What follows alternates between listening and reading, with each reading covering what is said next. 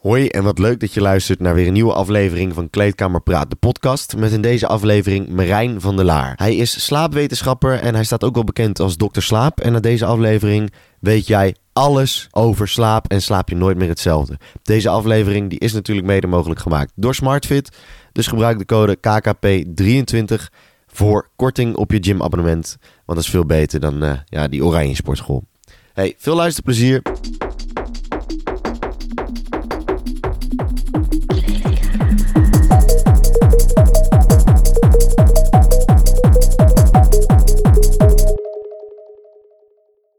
Beste luisteraar, welkom bij een nieuwe aflevering van Kleedkamer Praten podcast. Vaak hebben we het over zeer bijzondere gasten. Jay bijvoorbeeld het orakel van fitness. Vandaag hebben we een orakel in een, in een ander spectrum. Een, een, een ah, zeg maar de dokter van een derde van jouw leven. We hebben vandaag het dokter slaap aan tafel. En uh, we gaan er wat geweldigs van maken. We hebben zo enorm veel vragen. Uh, ik voel de druk wel op mijn schouders nu, dat ja, weten jullie, hè? Ja, ja, ja. ja, ja Het gaat geweldig worden. Precies. Dit, dit, is, dit is de aflevering waar we al een jaar op hebben gewacht. Eigenlijk wel. Um, we zitten hier met Marijn van der Laar. Ik spreek het goed uit, toch? Ja, zeker altijd gevaarlijk uh, ja. als je het verkeerd zegt. En jij bent uh, uh, slaapdokter. Ja, dokter. Ja, CTOR. Okay. Ja, klopt. Zo, ja. zo. Soms zeggen mensen dokter, maar ja. dat, nee, ik ben geen arts. Ja. Maar ik ben wel gepromoveerd op het onderwerp slaap. Zo, eindelijk iemand die echt... ja, die heeft echt kennis. We weten niks, nee. Je bent slaapwetenschapper dan ook. En uh, je hebt een boek geschreven. En het boek heet... Uh, Slaap als een oermens. Slapen als een oermens. Doe me een beetje denken aan Richard de Let. Oh ja. En die doet ja, ook alles met... Sterk, ja, die doet ook alles met... Uh, en waarom ben je in hemelsnaam zo erg verdiept geraakt in slaap? Ja, nou, ik was vroeger... Dan praat ik over een jaar of twintig geleden of zo was ik een oké okay slaper. Maar op een gegeven moment werd ik een jaar of 22, 23. En toen um, ja, had ik een hele slechte slaapperiode van een jaar of drie. En uh, het, ik merkte gewoon dat het niet meer lukte om, om lekker te slapen. Dus ik viel niet goed in slaap. Ik sliep niet lekker door. Uh, ik merkte dat ik vermoeid was overdag, concentratieproblemen. Het ging gewoon niet lekker. Mm -hmm. En ik was toen wel psycholoog. Ik behandelde mensen met bijvoorbeeld depressies, angststoornissen, burn-out. Maar ik wist eigenlijk bar weinig over slaap. En toen ben ik naar de huisarts gegaan en de huisarts bleek ook bar weinig over slaap te weten. Ja. Uh, en uh, toen kwam ik bij een psycholoog die ook bar weinig wist over slaap. En die mij een krantenartikel gaf van... Uh, ja, joh, ik zie hier dat je beter tv kunt kijken voordat je net naar bed gaat... want dan val je misschien beter in slaap. Wat overigens wel werkte. Oké, okay, okay. Dus, maar ja, om, weet je, het gaf gewoon aan dat... Ik had dus van, ik ben psycholoog en ik weet nog niet zo goed het zit met slaap. Mm -hmm. Alle mensen om me heen weten het niet. Dus ik ga me er verder in verdiepen. En het leuke was, ik was op dat moment een opleiding aan doen in het Catharina ziekenhuis in Eindhoven. Als uh, medisch psycholoog, in ieder geval GZ-psycholoog, uh, gezondheidszorgpsycholoog. En vanuit daar kon ik solliciteren bij Kempenhagen, Centrum voor Slaapgeneeskunde. Ah. En toen dacht ik 1 en 1 is 2. Dus ik ben daar gaan werken en ik dacht, nou, ik ga gewoon me helemaal verdiepen in de wonderwereld van slaap. Heb ik gedaan. Ik ben daar heel veel mensen gaan behandelen. Uh, ik heb daar tien jaar lang gewerkt. En daaraan gekoppeld zat ook een promotietraject van één dag in de week. Mm -hmm. uh, dus dat ben ik gaan doen. Vooral ten aanzien van de behandeling van slapeloosheid, maar ook wat voor type mensen krijgen nu slapeloosheid. Ja. Ik denk toch even kijken of ik een beetje raar ben of zo, dat ik uh, in één keer drie jaar lang uh, last kreeg van slapeloosheid. Maar wat heel leuk was, was ik leerde daar dus verschillende behandelmethodes kennen en die, die werkten gewoon bij mij. Dus ik had drie jaar rondgelopen met slaapproblemen. En ik ging uh, de therapieën of trainingen die zij gaven ook, ook op mezelf toepassen. Mm -hmm. En ik merkte gewoon dat het supergoed werkte. En sterker nog, was gewoon binnen een paar weken was ik dus van mijn slapeloosheid af. Oké. Okay. En toen dacht ik, waarom weet niemand dit? Ja. Dus toen ben ik eigenlijk uh, me zeer, meer gaan verdiepen. Uiteindelijk ook een boek gaan schrijven. Een filmpje van de Universiteit van Nederland uh, gemaakt. Ja, dat zijn vette filmpjes. Ook ja. Zo. Dus zo is het eigenlijk een beetje gaan rollen. En uh, ja, het boek dat uh, loopt ook lekker. En uh, ja, ik merk gewoon dat mensen het heel erg kunnen waarderen. Dus dat is mooi. Zo ben je dus in slaap gerold. En wat, als, ja. je dan, als je dan praat over drie jaar lang slechte slaap, hoeveel uur praten we dan over? Ik denk dat ik in die periode zo'n beetje, nou, als ik een goede nacht had, een uurtje, vier en een half, vijf. Oké, okay, dat is wel echt slecht. Oh, ja. Maar je werd je elke keer wakker? Of ja, ik ja. werd elke keer wakker. En ik weet nog dat ik op een gegeven moment zelfs dacht, ik had een slaappilletje. Uh, want ik ging op een gegeven moment naar Curaçao en ik had een, een thema's pammetje voor de terugweg.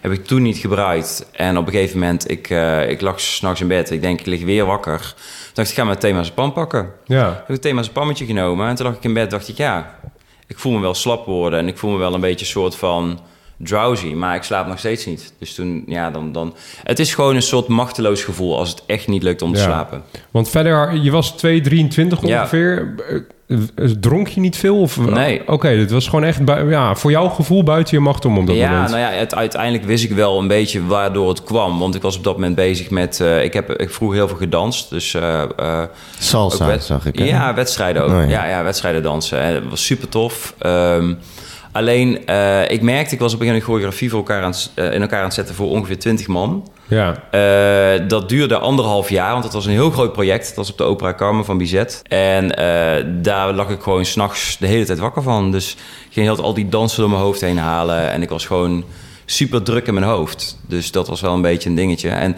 dat heeft uiteindelijk mij denk ik ook heel erg in die waakzame fase gebracht.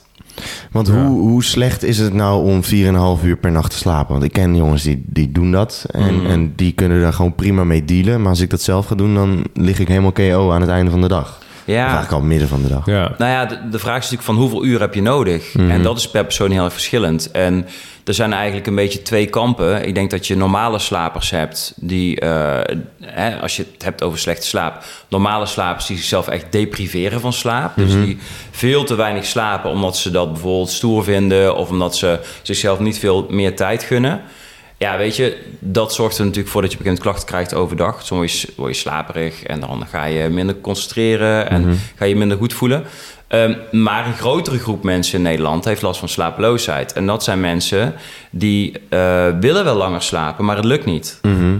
Eh, en als je gaat kijken wat is een beetje een, ja, wat is het effect van 4,5 uur slapen, dan ligt het dus aan hoeveel slaap je nodig hebt. Als Ja, jij bijvoorbeeld ja. 6 uur slaap nodig hebt en je gaat een paar nachten 4,5 uur op bed liggen, Mhm. zul je daar minder last van hebben dan als je slaapbehoefte 7 uur is of 7,5. Want die slapeloos, eh, slaapbehoefte die verschilt gewoon echt Ja. per mens. eh, Ja, ontzettend. zeker. Ik merk dat Mm. als ik minder slaap, ik ook minder lekker in mijn vel zit. En Ja. dan stort eigenlijk het hele kaartenhuis in. Ja, Ehm, in hoeverre is eh, slaap eh, belangrijk in de factor van geluk? Geluk. Ja, weet je, slaap is heel belangrijk als je gaat kijken naar kwaliteit van leven. Want dat is heel erg onderzocht. Hè? Dus van, oké, hoe waarderen mensen hun kwaliteit van leven? Dan zie je dat als slaap verbetert, de kwaliteit van leven ook sterk verbetert. Dus dat is echt een ja, één op één relatie. Ehm, wat je verder ziet, is dat als je heel slecht slaapt, dus je hebt last van slapeloosheid, dan, kan het, dan is de kans om depressief te worden, die is gewoon tien keer zo groot. Dus ook als Zo. nu niet somber bent en je hebt nu last van onbehandelde slapeloosheid, heb je tien keer zoveel kans om depressief te raken. Wow. Ja. Dus als je het dan hebt over geluk, weet je, depressie is zo'n beetje het tegenovergestelde.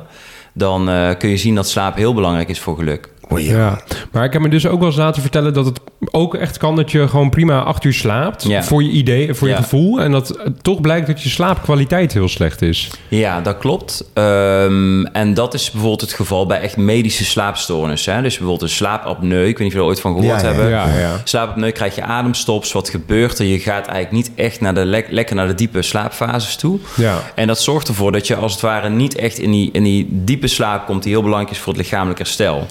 Daar merk je zelf vaak helemaal niet zo heel veel van. Want die mensen worden tussendoor eventjes heel kortdurend wakker. Dat noemen we arousals. Eh, alleen, dat hebben ze zelf niet in de gaten. Dus die mensen hebben het idee dat ze 7,5 of 8 uur slapen. Alleen ga je in slaaponderzoek kijken... dan zie je dat ze telkens eigenlijk een soort verstoring laten zien... vanuit die diepe slaap. Dus ze komen niet echt in die lekkere, diepe, verkwikte slaap lang. Ja. En dat maakt dan dat je echt slaperig wordt overdag bijvoorbeeld. Oké. Dat is een van de Ja. kenmerken. Even naar de kern en het begin. Ehm, slaap is een heel eh, een mooi, mooi woord, maar slaap betekent natuurlijk veel meer dan alleen je ogen dicht doen. Je hebt verschillende fases. Ja. Ehm, welke fases heb je allemaal? Je gaat naar bed toe, Ja. dan gebeurt er iets. Ja, Eh, wat gebeurt als het er goed dan? is gebeurt er Ja, dan iets ja, inderdaad. ja. Nou, sowieso, voordat je eh, in je eerste slaapfase komt... is het dus al heel erg normaal om echt een half uur nodig te hebben... voordat je in slaap valt. oké. Dus daar wil ik al even mee beginnen. Heel veel mensen denken, ik moet mijn kussen raken... en ik moet meteen weg zijn. Ja, Maar als je ik ben meteen weg bent... jaloers, eh. ja, ja, ben ik ook soms jaloers op. Maar als je meteen weg bent, wil dat niet altijd zeggen... dat het heel positief is. Oké, dus ik mag niet Want stel je voor zijn. dat je slaapapneu hebt, dan ben je super slaperig. En dan val je binnen een minuut in slaap, omdat je eigenlijk te slaperig bent. Ah, Als je jezelf ja. depriveert van slaap, dus je gaat veel te weinig slapen dan wat je eigenlijk nodig hebt, val je ook binnen een minuut in slaap. Dus heel snel in slaap vallen is niet altijd oké. Ehm, dat wil niet zeggen dat het altijd niet oké is, maar er wordt vaak te veel waarde aan toegekend, positieve Ja. waarde. Dus het heeft vaak een 20 minuten tot een half uur nodig voordat je in slaap valt. Dat is eigenlijk een beetje een gemiddelde. Vervolgens val je in slaap en dan ga je eigenlijk een beetje sluimerfase in. Eh, dan kun je ook hypnagoge hallucinaties krijgen. Kun je er ooit van gehoord hebben? Nee. Nee, hypno, nee, Nee. dat zegt me niks. eh. Nou, hypnagoge hallucinaties, dat zijn eigenlijk een beetje beelden die je ziet, eh, dingen die je ervaart. En dat is eigenlijk een beetje de beginfase vaak van de slaap. Eh, vervolgens ga je eigenlijk naar de lichte slaapfase toe. En dan ga je naar diepe slaapfase toe. Eigenlijk de eerste cyclus. En zo'n cyclus duurt gemiddeld anderhalf uur. Heel veel mensen denken, oké, dus bij iedereen is dat anderhalf uur. Dus op het moment dat ik om 11 uur naar bed ga en ik maak zes cycli, dan moet ik dus om 8 uur opstaan, want dan word ik vanuit een lichte slaapfase wakker. En dat is echt totaal niet waar, want een cyclus voor jou kan misschien 60 minuten zijn, voor mij kan die 90 minuten zijn, voor iemand anders rond een 10. Stel je, stel je voor dat je nou wakker wordt eh, op 30 minuten van die eh cycli. Ja. Ehm, is het dan zo dat je veel moeer wakker wordt of hoe zit dat? Ah, het is wel zo, kijk, ja, maakt een aantal cycli gedurende de nacht. En stel dat je na 30 minuten wakker wordt, is de kans vrij groot, als je echt na 30 minuten wakker wordt, dat je al een beetje in je diepe slaapfase zit. Ik weet niet of je het ooit hebt meegemaakt. Bijvoorbeeld, je gaat op vakantie en je moet heel vroeg eruit. Dus echt gewoon s'nachts Ja. om drie uur. Ja. Maar je gaat wel rond 11 uur naar bed. Voor die tijd ben je niet slaperig genoeg. Nou, dan word je zo'n beetje na vier uur wakker of zo. Dan is de kans vrij groot dat je in een diepe slaapfase wakker wordt. Hoe word je dan wakker? Ja, het gevoel alsof je nog heel moe bent, Ja. toch? Eh, alsof je echt Ja, eh, ja. ah, heel moeilijk in net komt. eh, Ja. Ja, dus super eh, slaperig, moeilijk Ja, uit je bed ja. komen. kan ook juist heel actief zijn. Kan ook. Ja. Ja. Ja, Ja. kan ook. Maar als je echt dat slaperige gevoel hebt, wat jij zegt, dat, dat, dat je moeilijk op gang kunnen komen, dan weet je, ik kom vanuit mijn diepe slaap, word ik wakker. Nou, dat is gewoon niet lekker wakker worden. Dan eh, kost het meer tijd om, als het ware, fit te worden, meer tijd om wakker te worden. Ja. Dus dat is dan wat er gebeurt. Als je nou die fase afmaakt, dan heb je dus een eerste cyclus gehad. Vervolgens kom je eigenlijk voor je eerste keer in je droomslaap. En die droomslaap, die, eh, ik zei net al, diepe slaap is heel belangrijk voor je lichamelijk herstel. Ook een stuk voor je geheugen. Maar ook bijvoorbeeld voor je afweersysteem, dat soort dingen. Droomslaap is heel belangrijk voor emotionele verwerking.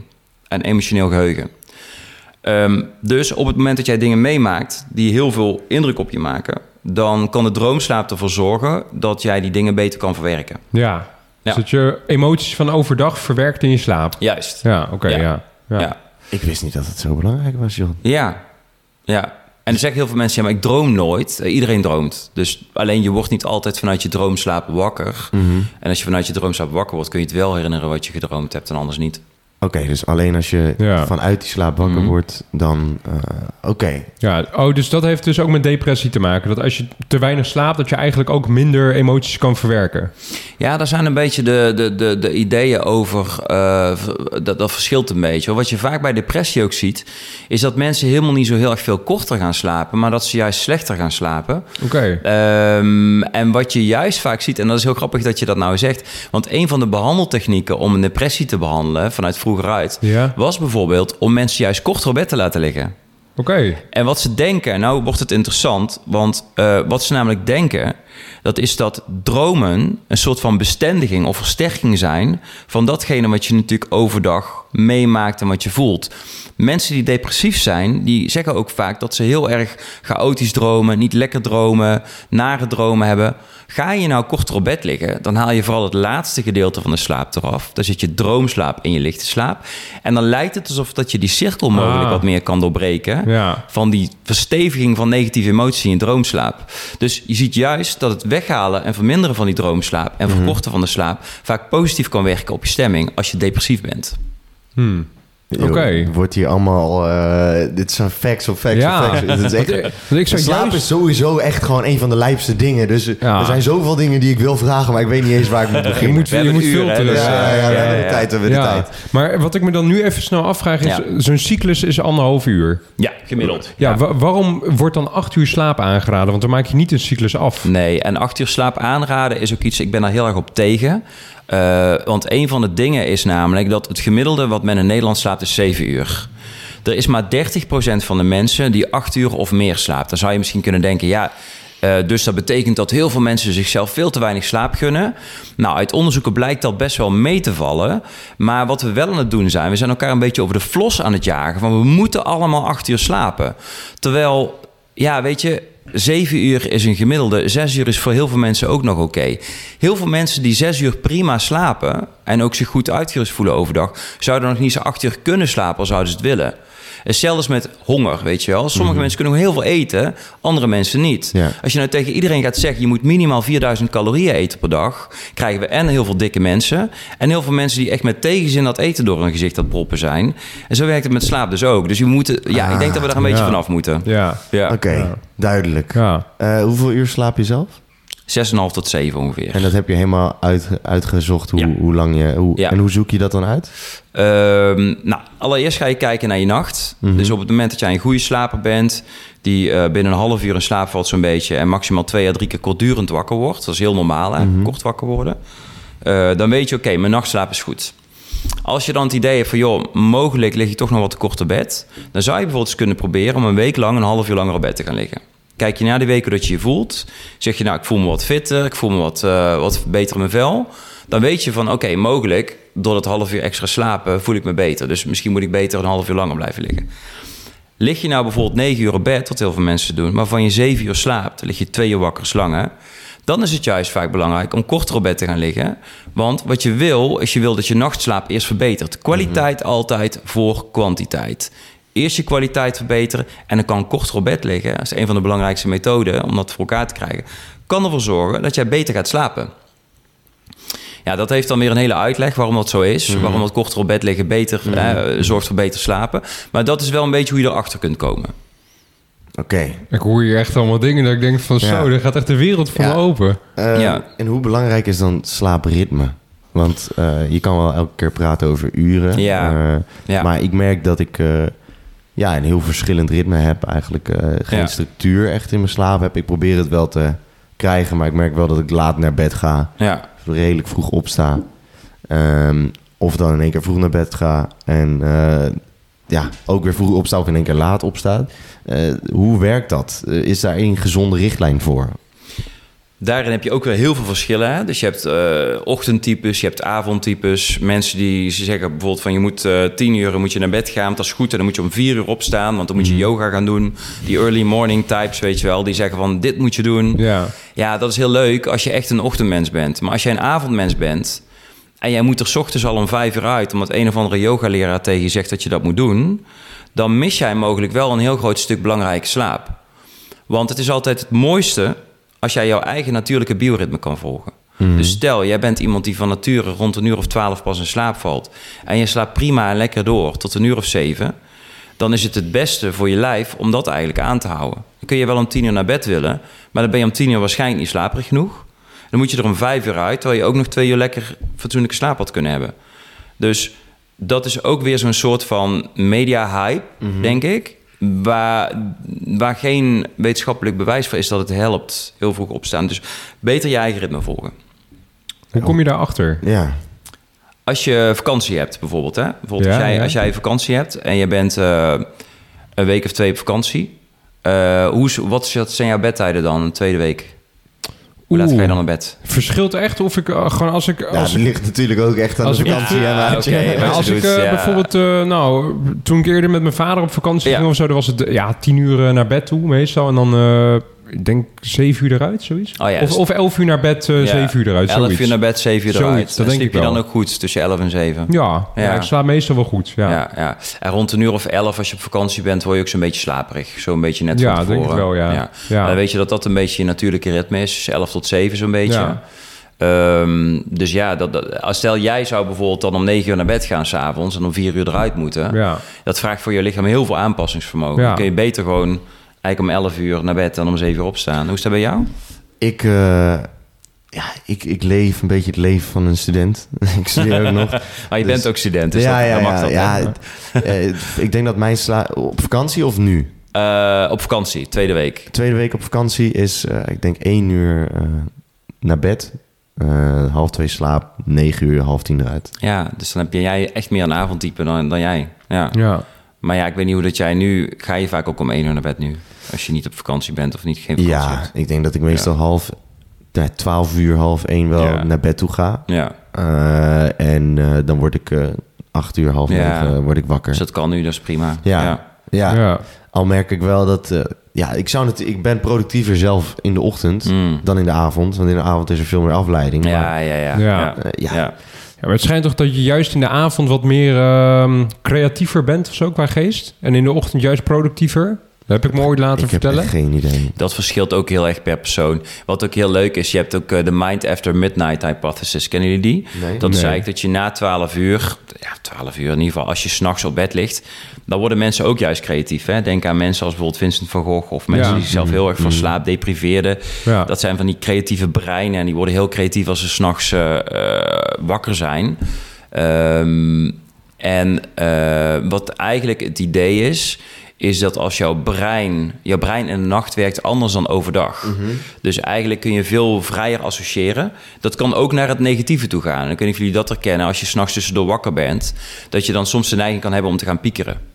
Over Ja. iets wat speelt. Ja, iets ja, dat is negatiefs. Ja. Ja. want als je dan in bed ligt, dan voel je de spanning. Mhm. En dan gaan je gedachten tollen. En dan eh, denk je bij jezelf, ah, Ja. kan ik nog wel slapen? Kan ik Ja. nog wel slapen? Ja, ik heb nog maar zoveel uur slapen. ik moet morgen dit doen. Ja, ja. Plus je hebt dan gewoon dus minder rem. Hè? Dus letterlijk je frontaal cortex werkt gewoon minder goed.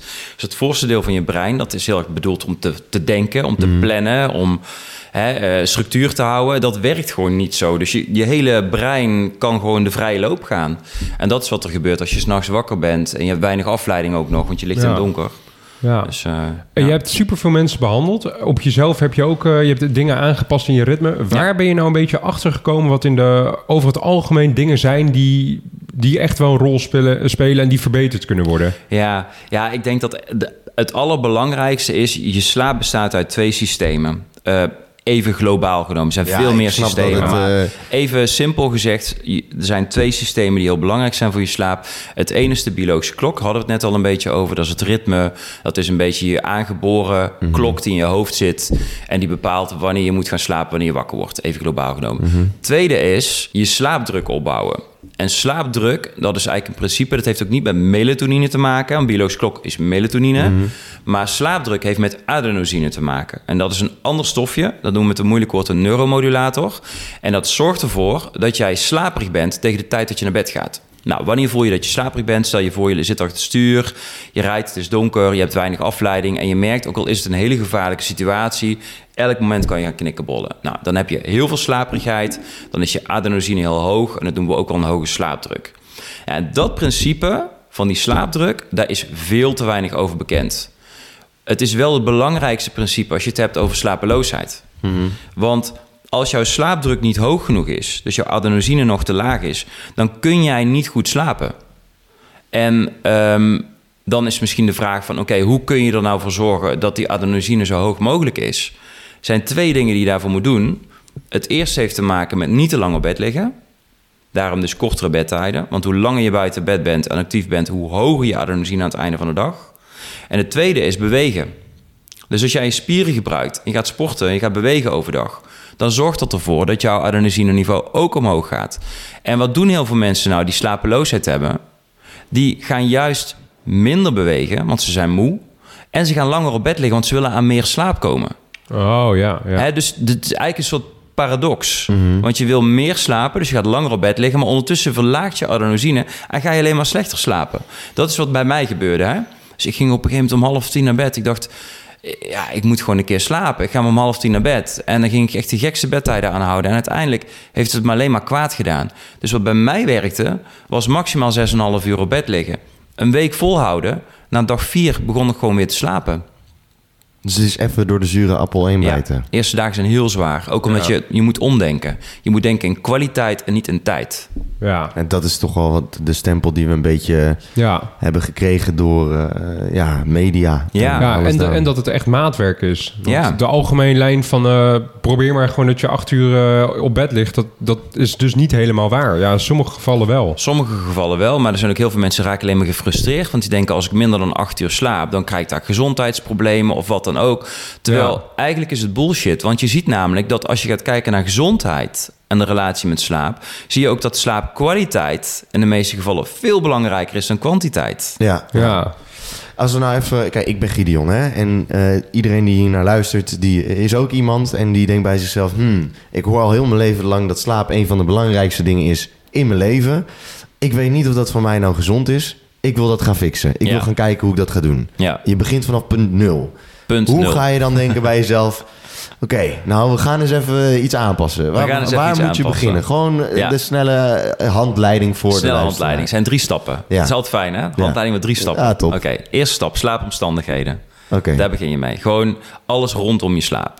Nou, wat is dan belangrijk? Dat je ongeveer een anderhalf tot twee uur voordat je naar bed gaat... stopt met alle mobiele schermen. Je kunt wel gewoon tv kijken, e-reader is prima... maar alles waar je interactief mee bezig bent... social media, et cetera... deze podcast luisteren... dat moet je gewoon niet doen... Oh. net voordat je naar bed gaat. Serieus. Het, het wordt nu persoonlijk. Ja, het wordt heel persoonlijk. Dus, eh, ja, ja. Nou ja, weet je, je podcast Behalve luisteren... kleedkamer. Ja, ja, ja. ja, ja, Oké. Eh, dus, dus, dus dat soort dingen moet je eigenlijk proberen gewoon te vermijden. Anderhalf Ja. twee uur voordat je naar bed gaat. Eh ander ding is gewoon niet te actief zijn. Ik zei net, een brein heeft een half uur nodig. Vaak om af te schakelen van waak naar slaap. Dus op het moment dat jij helemaal hoog zit in je energie. Je, bent, je stopt je laptop dicht, je bent er aan het werken. En je gaat in bed liggen meteen. Dan zie je ook dat mensen veel meer moeite krijgen om in slaap te vallen. Ja, ja, ja. Dus dat is slaapomstandigheden. Dan moet je kijken naar middelen bijvoorbeeld. Heel veel mensen gebruiken wat alcohol of eh, gaan even blowen voordat ze naar bed gaan. Wat je dan ziet is vaak de kwaliteit van de slaap, die dus zo belangrijk is, die verslechtert. Ehm, dus dat proberen ze. Ja, ik, bedoel, ik, ik ben ook geen heilige, maar probeer in ieder geval eh, niet iedere avond bijvoorbeeld alcohol te drinken. Probeer het echt te beperken.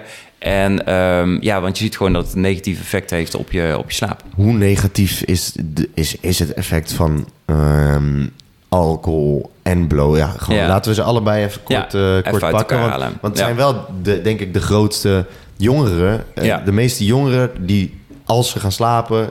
eh, een jointje, jointje Ja, ja, ja. of even een wijntje. Dat hebben ouderen natuurlijk Ja. ook nog steeds. Ja. Maar ik denk dat dat, dat wel de twee grootste... Een slaapmutsje. Ja. Een slaapmutsje, ja, ja, ja.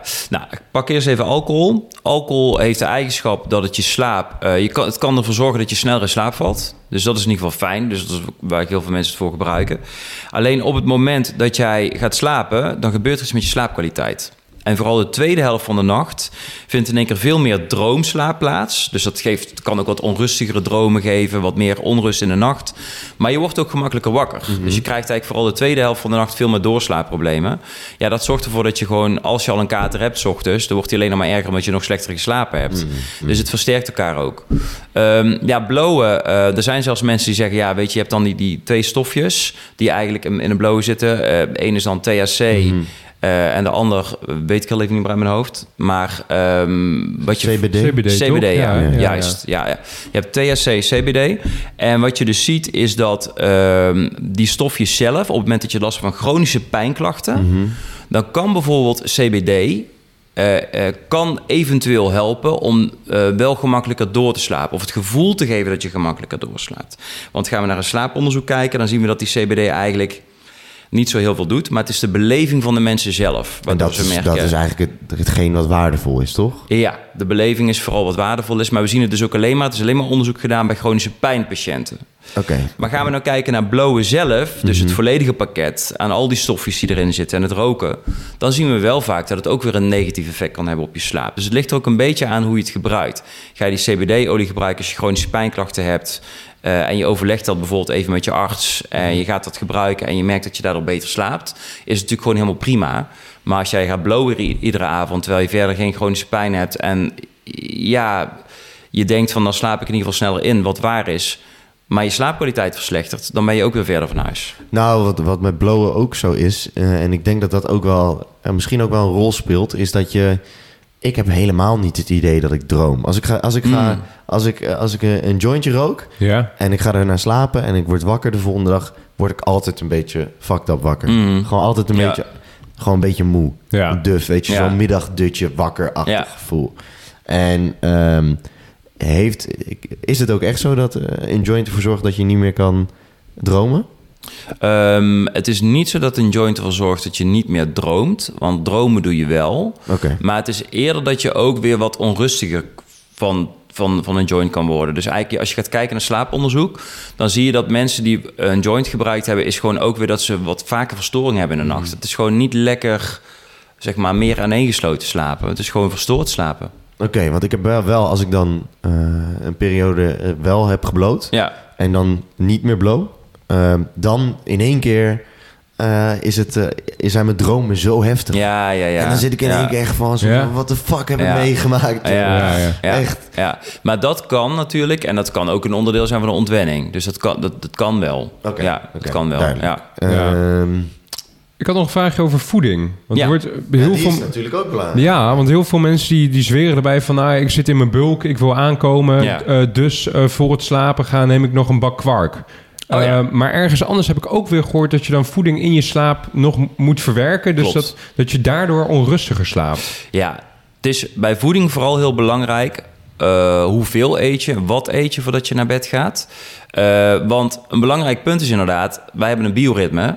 En een van die dingen in ons bioritme is dat onze darmen bijvoorbeeld relatief stil liggen tijdens de nacht. Ja, Want dan gaat jouw energie heel erg naar je slaap toe en naar rust toe. En als je dan nog allerlei processen hebt in je buik die hè, voeding moeten verwerken, dan eh, gaat dat niet lekker samen. Dat is ook bijvoorbeeld waar mensen die nachtdiensten draaien, die hebben vaak heel veel problemen met hun maag en met hun darmen.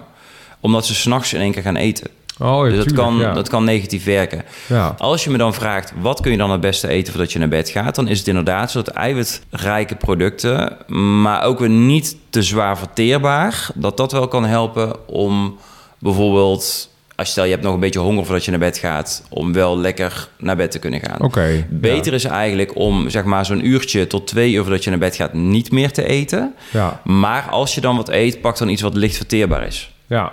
Dus op zich zou kwark dan nog wel kunnen... Ja. maar idealiter dus ook gewoon 1 à 2 uur voor het slapen gaan niet. Eigenlijk is beter om niet meer te eten. Ja. Eén tot Ja. twee uur voordat je naar bed gaat. Ja, goed om te weten. Hoe zit Ja. dat? eh, gewoon weer even, we- doen een vragenvuur. Ja, hè? prima. Ik eh, zit er toch. Dus Zit er eh. Eh, hoe zit het met heel heftig dromen? Want ik, eh, of wat doet dat met je? En wat, hoe Mhm. kan je ervoor zorgen dat dat verandert? Ja, ja, dus eigenlijk is vooral de vraag van... Hey, waar komen nachtmerries vandaan? Of waar Mhm. komt heel, heel druk dromen vandaan? En wat kun je daaraan doen? Mhm. Ja. ja. Ja.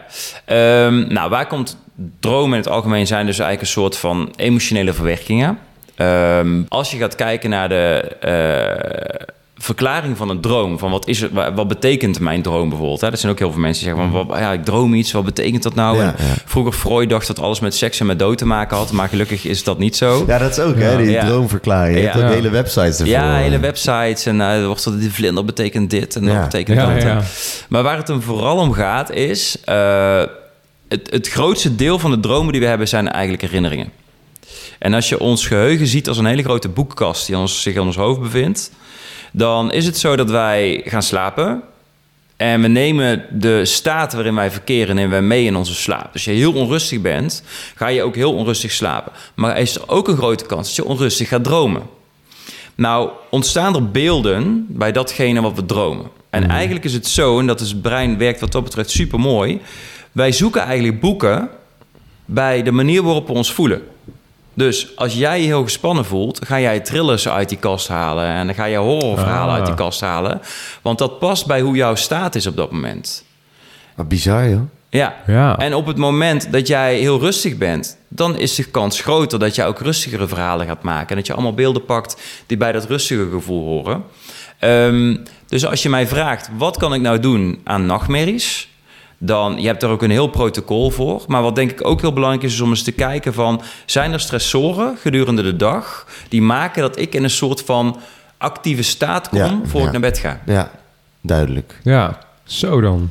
Ja, Ehm, waarom voelt het altijd, als, als ik iemand sla in mijn dromen, dat ik diegene nooit goed kan raken? Eh, Of, Oh. of dat soort dingen. Ik heb, heb je dat ooit niet gehad? Nee, dat, je, dat, dat je in een droom zit en je wil iemand slaan of zo, of je moet iemand slaan of er gebeurt iets. ja. En je armen zijn gewoon echt gewoon... je- ik- Ah. ken, je, ken je dat verhaal? Eh, nee. Oh, Oké, ik vind het... dacht, eh, ik, ik, dacht dat echt, ik dacht echt een heel bekend ik ding zit me ook te denken, ik heb volgens mij nog nooit... Wat zegt dat eigenlijk over jou, dat jij Ja, mensen slaat? Nee, maar het is echt... Ja. Het is echt eh, ik, ik heb dat, bijna nooit. Dat heb ik Eh, nooit gehad. Of dat je wegrent en dat je gewoon heel langzaam bent. Ja, ja, Ja. dat ken ik wel. Ja, ik Ja, heb wel, wel ooit een keer in een droom gehad dat ik eigenlijk me besefte dat ik aan het dromen was. Oh, ja. Dat is ook heel raar. Ja, dat zijn lucide Ja. dromen. dat is weer iets anders. Daar kan ik daar ook wat over Ja, heel graag. Ja. Ehm, ja, wat, wat voor gevoel heb je bij die eh, situatie? Dus als jij iemand wil Gewoon slaan, dat lukt keer, niet... fuck, eh, hoe kan dit nou? Machteloosheid. Ja. Ja, ja, dus dan zou je kunnen interpreteren dat jij op dat moment waarschijnlijk met iets bezig bent. Wat mogelijk met die machteloosheid te maken heeft. Ah. Dus het kan zijn dat er iets niet lukt in je leven, of dat er iets tegen zit, of wat dan Ja. ook. En jouw manier van verwerking in je droom is dat jij gewoon een boek uit de kast pakt met een persoon erin. Ja. En die begin je te mappen en het lukt niet. Ja, Ja, dat is- Als je niet 100 kilo kan bankdrukken, dat Ja. ineens... eh, ja, Ja, nou, ja. dat. Ja. Oké, oké, Ja. dat is bizar. Ehm, kan je ook nog echt op internet iets vinden waarvan je denkt van nou, ik heb dit gedroomd. Eh, betekent dat ook echt nog iets of niet? Ehm, de, Of is dat een... Nee, ik heb daar wel onderzoek naar gedaan. Ik heb ook gekeken van hoe ziet de literatuur eruit. Als je gaat kijken naar bijvoorbeeld bepaalde beelden eh, of bepaalde dingen zoals je tanden die uitvallen. Dat zou met seksuele, weet ik veel wat te maken hebben. En, maar er is geen enkel onderzoek wat duidelijk aantoont dat er ook echt een soort van relatie is tussen een item in je droom, dus een onderdeel in dat boekje, eh, en wat er daadwerkelijk in je leven speelt. Wel het globale gevoel en het idee wat je kan hebben tijdens een droom. Maar niet dat je bepaalde een dier of zo kan hebben wat dan voor dat staat of zo. Ah, dus dat machteloosheid, dat kan wel. Dat maar wel. niet dat, dat, eh, Ja. dat die persoon slaat, staat voor dat je een rotbaas hebt of zo. Nee, want het ligt maar net aan wat voor boek jij op dat moment uit de kast pakt. En dan kan het zijn dat jij iemand slaat of, je, of wegrent. Of maar als het gevoel allebei machteloosheid is, is het idee dat het ook iets is wat je dan op dat moment een plek probeert te geven. Mhm. Ja. Ja. Dan, eh, ik heb nog even een hele eh, brandende. En dat is eh, misschien wel eentje van de afgelopen vijf, zes jaar. Mm. De invloed van social media op je slaap. Ja. En eh, ja, we kunnen het dan nu gaan hebben op de, over de telefoon naast je bed. Mm. Of, eh, dat, ja, dat is eigenlijk misschien wel handiger dan... De straling bedoel je dan? Of Ja, wat, je, ja social media heeft natuurlijk twee factoren. Het is één, Mm. de, de, de, de actie-reactie die je krijgt van een, een bericht of zo. Ja, ja. Maar ja, die, kon je, die kan je ook op andere manieren krijgen. Ehm, misschien meer de schermtijd die je hebt als, als, Oh, ja. als mens nu op een dag. Wat Ja. voor invloed heeft dat op je slaap? Ehm, ik denk dat je vooral moet kijken naar in hoeverre raakt mijn brein overprikkeld. Dus op het moment dat jij overdag met social media bezig bent, zoals je dat ook met werken bezig zou zijn, en je bent actief bezig en je schakelt op tijd af in de avond, dan denk ik dat het niet zo heel erg veel effect hoeft te hebben. Kijk, stel jij bent iemand die bijvoorbeeld heel erg gaat piekeren omdat hij veel met social media bezig is en denkt, oh weet je, ik ben niet goed genoeg of al die mensen zijn mooier dan ik of zijn succesvoller dan ik. Ja, dan heeft het natuurlijk een hele andere, wat diepgaandere lading die wel effect kan hebben op je slaap, maar niet één op één. Eh, dus ik denk dat vooral hoe lang ben je daarmee bezig en wanneer stop je ermee, dat dat een hele belangrijke factor is voor je slaap. Ja, en verder wat het met je psychisch doet bijvoorbeeld, dat is natuurlijk een heel ander verhaal. Dat kan natuurlijk ook weer effect hebben op je slaap. Ja. Duidelijk. Wat kon je over lucide dromen vertellen? Ja. Ja, maar ik, ik had het straks al heel even over die frontaal cortex. Hè, dat dat voorste gedeelte. En ehm, dat eh, wat interessant is bijvoorbeeld, is op het moment dat je droomt, dan staat dat voorste gedeelte ook een beetje uit. Hè? Dus dat Ja. betekent dat, dat jouw, jouw regelcentrum staat uit. En dat maakt ook vaak dat mensen heel chaotisch gaan dromen. Dat ze van, dan lopen ze weer ergens en dan zitten ze weer in één keer in een kamer en dan vliegen ze weer in één keer. En dat komt omdat je controle uitstaat, als het ware. Maar als je lucide gaat dromen, dan, en dat zie je ook in onderzoek, mensen die daar heel goed in zijn. Lucide dromen betekent dat je eigenlijk het idee hebt dat je je droom kan besturen. Dus als jij in het dromen bent en je denkt, wow, ik wil nu gaan vliegen, dan kun jij dus leren om in je droom te gaan vliegen. Als jij dat wil.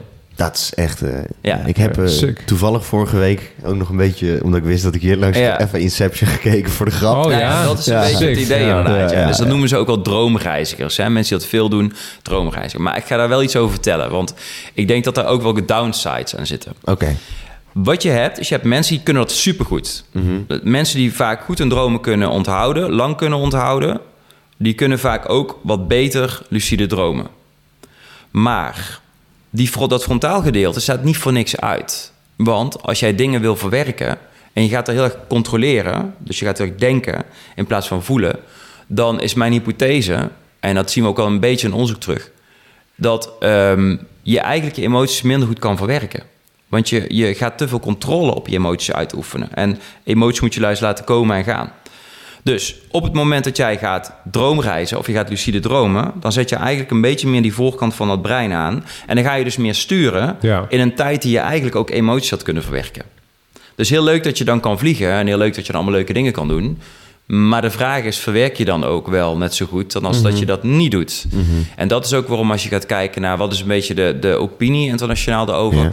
Dat is dat als je het goed kan en je doet het vanzelf al, vooral lekker blijven doen. Als je het niet kan en je wil het heel graag leren, weet dan ook dat dit mogelijk een downside kan zijn. Kan je het zo? Oké. Ik heb het wel eens ooit, voordat ik dit wist, geprobeerd. En eh, door te oefenen overdag. Eh, en ik merkte wel dat het op een gegeven moment steeds beter ging.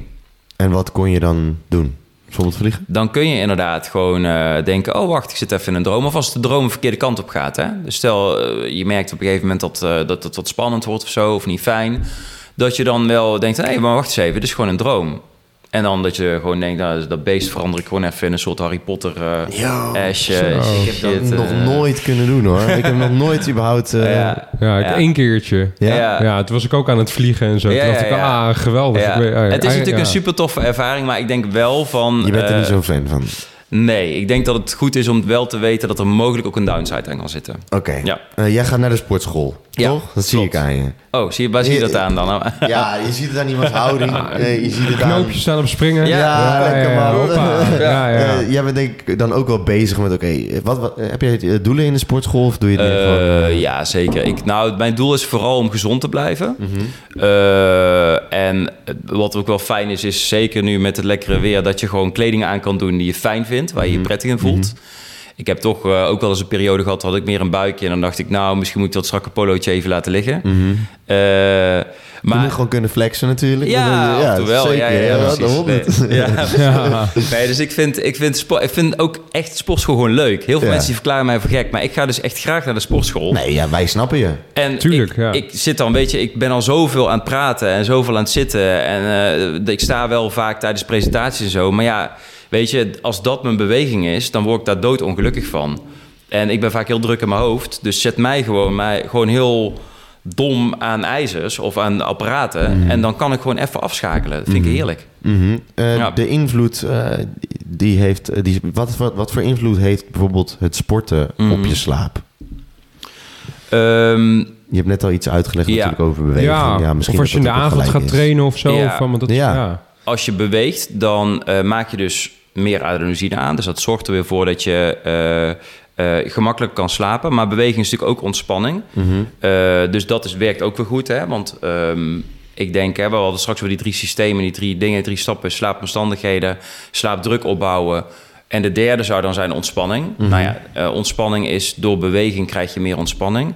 Ehm, als je s'avonds laat gaat sporten, dan krijg je dus dat je brein en je lijf in een te actieve fase terechtkomt. Dus dat zorgt ervoor dat je weer minder goed de overgang kan maken waarschijnlijk naar de slaap. Dus ik zou niet te laat gaan sporten. Zou ik ook weer ongeveer een anderhalf tot twee uur voordat je naar bed gaat mee stoppen. Ja, en dan nog helemaal geen scoopje erbij nemen, hè? Met eh, pre-workout, cafeïne. Ja, eh, als je dat eh, net voordat je naar bed goed gaat, gaat doen, is het niet zo handig, denk ik. Maar ja. weet je, het is aan de andere kant ook weer eiwit. En, en, en het- ja, als je dat met melk doet, ja...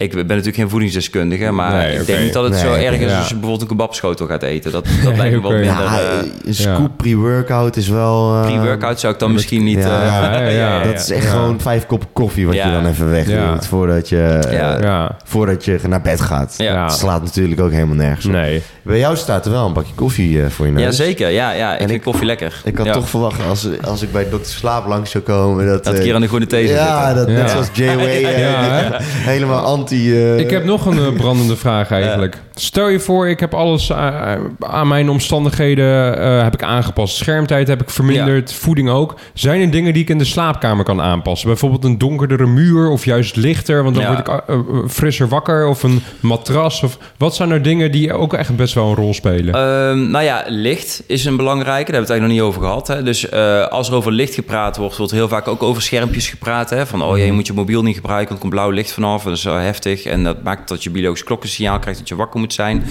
Maar wat we weten, de laatste tijd uit onderzoek, is dat het helemaal niet het blauwe licht is wat van de mobieltjes afkomt, wat jouw brein stimuleert. Het is veel meer datgene wat je doet op je mobieltje. oh, ja. Eh, waarom? Omdat mobieltjes helemaal niet zo heel veel licht afgeven. In ieder geval niet voldoende om je biologische klok te stimuleren. Dus ook die oranje filters.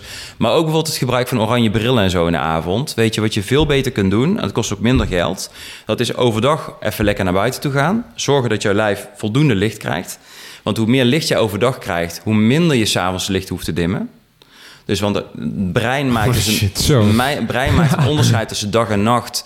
Ook op basis van de balans tussen of jij voldoende licht krijgt overdag en hoeveel licht je in de avond krijgt. Oké. Dus als jij overdag een half uurtje gaat wandelen, en zeker nu, nou de zon schijnt nu, ik denk dat het nu buiten 50, 60.000 lux is. Dat zijn 50, 60.000 kaarsen. Terwijl binnen nu eh, schat ik het hier bijvoorbeeld een 800 lux en 800 kaarsen. Ga je nou naar buiten, krijgt je lichaam in één keer heel veel licht binnen. En dan is s'avonds jouw lichtgevoeligheid veel minder. Oh, tuurlijk. Dus- Dus, oh, oké, ja. Overdag Ja. lekker naar buiten gaan. S'avonds wel wat te lichten dimmen.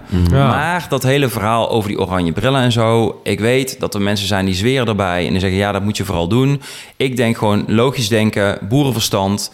Overdag naar buiten, dat licht in. S'avonds wel wat donkerder maken. Dan doe je eigenlijk al vaak, vaak Ja. voldoende. Eh, Ja. De kamer eh, helemaal licht, eh, licht dicht maken, zeg maar. Heb jij dat ook? slaapkamer. Ja, ja, slaapkamer. Je slaapkamer is wel een dingetje. Want we weten bijvoorbeeld s'nachts als je slaapt... dat een hele kleine hoeveelheid licht als slaapverstorend kan werken. Dus dan hebben we praten over één lux. Dat is één kaars. Dus als je s'nachts slaapt... is het belangrijk om het echt zo donker mogelijk te maken. Ja. Oké. Dat is echt dus van hele grote invloed. Ja. Ja. En wat nou als je dus gewend bent om met het licht aan te slapen? Dan zou ik zeggen, wen aan niet meer met licht aanslapen. Zo is het dus. Ja. duidelijk, Ja. duidelijk. Maar op zich je kamer in een andere kleur verven, dat... eh, want op zich als je wakker wordt en je hebt een, een lekker eh, nou, lichtbruin of een eh, mintgroen behangetje... Dat, eh, dat schijnt ook wel dat je daar dan actiever van wakker wordt. Ja, dat is wel heel grappig dat je dat zegt. Want ik, ik heb daar dus ook onderzoeken over gelezen. Van oké, de kleur van jouw slaapkamer. Heeft dat effect op hoe je slaapt? Ja. Nee.